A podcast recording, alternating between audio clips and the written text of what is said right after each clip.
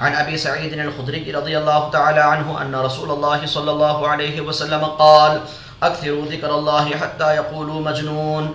رواه احمد وابو يعلى وابن حبان والحاكم في صحيحه، وقال صحيح الاسناد وروي عن ابن عباس رضي الله عنهما مرفوعا بلفظ اذكروا الله ذكرا يقول المنافقون انكم مراؤون.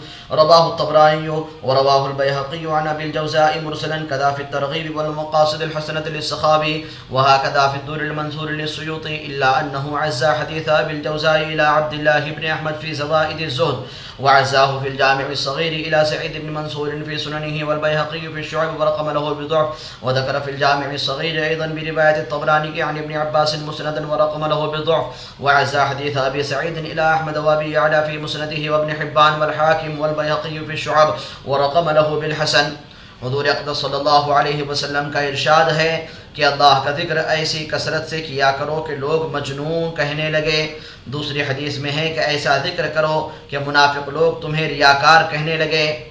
فائدہ۔ اس حدیث سے یہ بھی معلوم ہوا کہ منافقوں یا بے وقوفوں کے ریاکار کہنے سے ایسی بڑی دولت چھوڑنا نہ چاہیے، بلکہ اس کثرت اور اہتمام سے کرنا چاہیے کہ یہ لوگ تم کو پاگل سمجھ کر تمہارا پیچھا چھوڑ دیں۔ اور مجنو جب ہی کہا جائے گا، جب نہایت کثرت سے اور زور سے ذکر کیا جائے، آہستہ میں یہ بات نہیں ہو سکتی۔ ابن کثیر رحمہ اللہ نے حضرت عبداللہ ابن عباس رضی اللہ عنہما سے نقل کیا ہے۔ وہ فرماتے ہیں کہ حق تعالی شانہ نے کوئی چیز بندوں پر ایسی فرض نہیں فرمائی جس کی کوئی حد مقرر نہ کر دی ہو اور پھر اس کے عذر کو قبول نہ فرما لیا ہو۔ بجز اللہ کے ذکر کے کہ نہ اس کی کوئی حد مقرر فرمائی اور نہ عقل رہنے تک کسی کو معذور قرار دیا۔ چنانچہ ارشاد ہے اذکر اللہ ذکرن کثیرا۔ اللہ جل شانہ کا خوب کثرت سے ذکر کیا کرو۔ رات میں، دن میں، جنگل میں، دریا میں، سفر میں، حضر میں، فقر میں، تونگری میں، بیماری میں، صحت میں، آہستہ اور پکار کر اور ہر حال میں۔ حافظ ابن حجر رحمہ اللہ نے منبہات میں لکھا ہے کہ حضرت عثمان رضی اللہ تعالی عنہ سے قرآن پاک کے ارشاد، وکان تحتہ کنز لہما میں منقول ہے کہ وہ سونے کی ایک تختی تھی جس میں سات سطریں لکھی ہوئی تھی جن کا ترجمہ یہ ہے۔ مجھے تعجب ہے اس شخص پر جو موت کو جانتا ہو پھر بھی ہنسے۔ نمبر دو، مجھے تعجب ہے اس شخص پر جو یہ جانتا ہے کہ دنیا آخر ایک دن ختم ہونے والی ہے، پھر بھی اس میں رغبت کرے۔ نمبر تین، مجھے تعجب ہے اس شخص پر جو یہ جانتا ہو کہ ہر چیز مقدر سے ہے، پھر بھی کسی چیز کے جاتے رہنے پر افسوس کرے۔ نمبر چار، مجھے تعجب ہے اس شخص پر جس کو آخرت میں حساب کا یقین ہو، پھر بھی مال جمع کرے۔ نمبر پانچ، مجھے تعجب ہے اس شخص پر جس کو جہنم کی آگ کا علم ہو، پھر بھی گناہ کرے۔ نمبر چھ، مجھے تعجب ہے اس شخص پر جو اللہ کو جانتا ہو، پھر کسی اور چیز کا ذکر کرے۔ نمبر سات، مجھے تعجب ہے اس شخص پر جس کو جنت کی خبر ہو، پھر دنیا میں کسی چیز سے راحت پائے۔ بعض نسخوں میں یہ بھی ہے کہ مجھے تعجب ہے اس شخص پر جو شیطان کو دشمن سمجھے، پھر بھی اس کی اطاعت کرے۔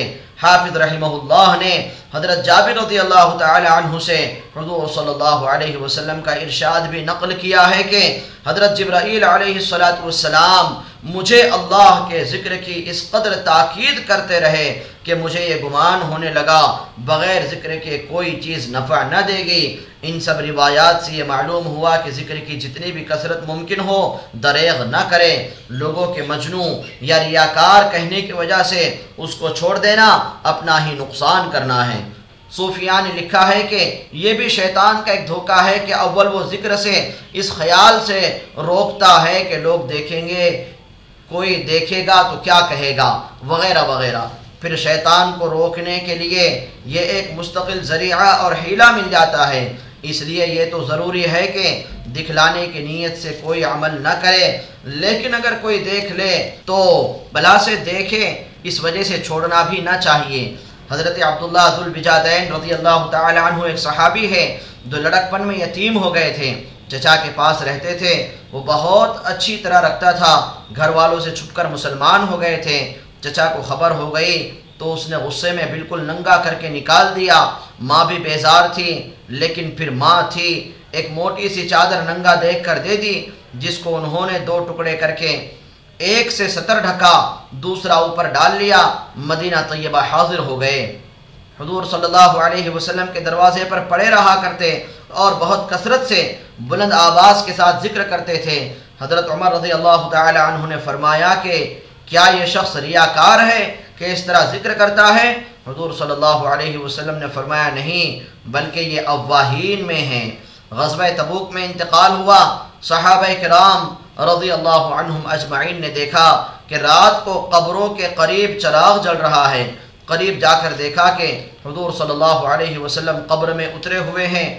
حضرت ابو بکر حضرت عمر رضی اللہ عنہما کو ارشاد فرما رہے ہیں کہ لاؤ اپنے بھائی کو مجھے پکڑا دو۔ دونوں حضرات نے نعش کو پکڑا دیا۔ دفن کے بعد حضور صلی اللہ علیہ وسلم نے فرمایا، اے اللہ، میں اس سے راضی ہوں، تو بھی اس سے راضی ہو جا۔ حضرت ابن مسعود رضی اللہ تعالی عنہ فرماتے ہیں کہ یہ سارا منظر دیکھ کر مجھے تمنا ہوئی کہ یہ نعش تو میری ہوتی۔ حضرت فضیل جو اکابر صوفیہ میں ہیں وہ فرماتے ہیں کہ کسی عمل کو اس وجہ سے کرنا کہ لوگ دیکھیں یہ شرک میں داخل ہے اور اس وجہ سے کسی عمل کو نہ کرنا کہ لوگ دیکھیں گے یہ ریا میں داخل ہے ایک حدیث میں آیا ہے کہ بعض آدمی ذکر کی کنجیاں ہیں کہ جب ان کی صورت دیکھی جائے تو اللہ کا ذکر کیا جائے یعنی ان کی صورت دیکھ کر ہی اللہ کا ذکر یاد آ جائے۔ ایک اور حدیث میں وارد ہے کہ اللہ کے ولی ہیں وہ لوگ جن کو دیکھ کر اللہ تعالی یاد آتے ہوں۔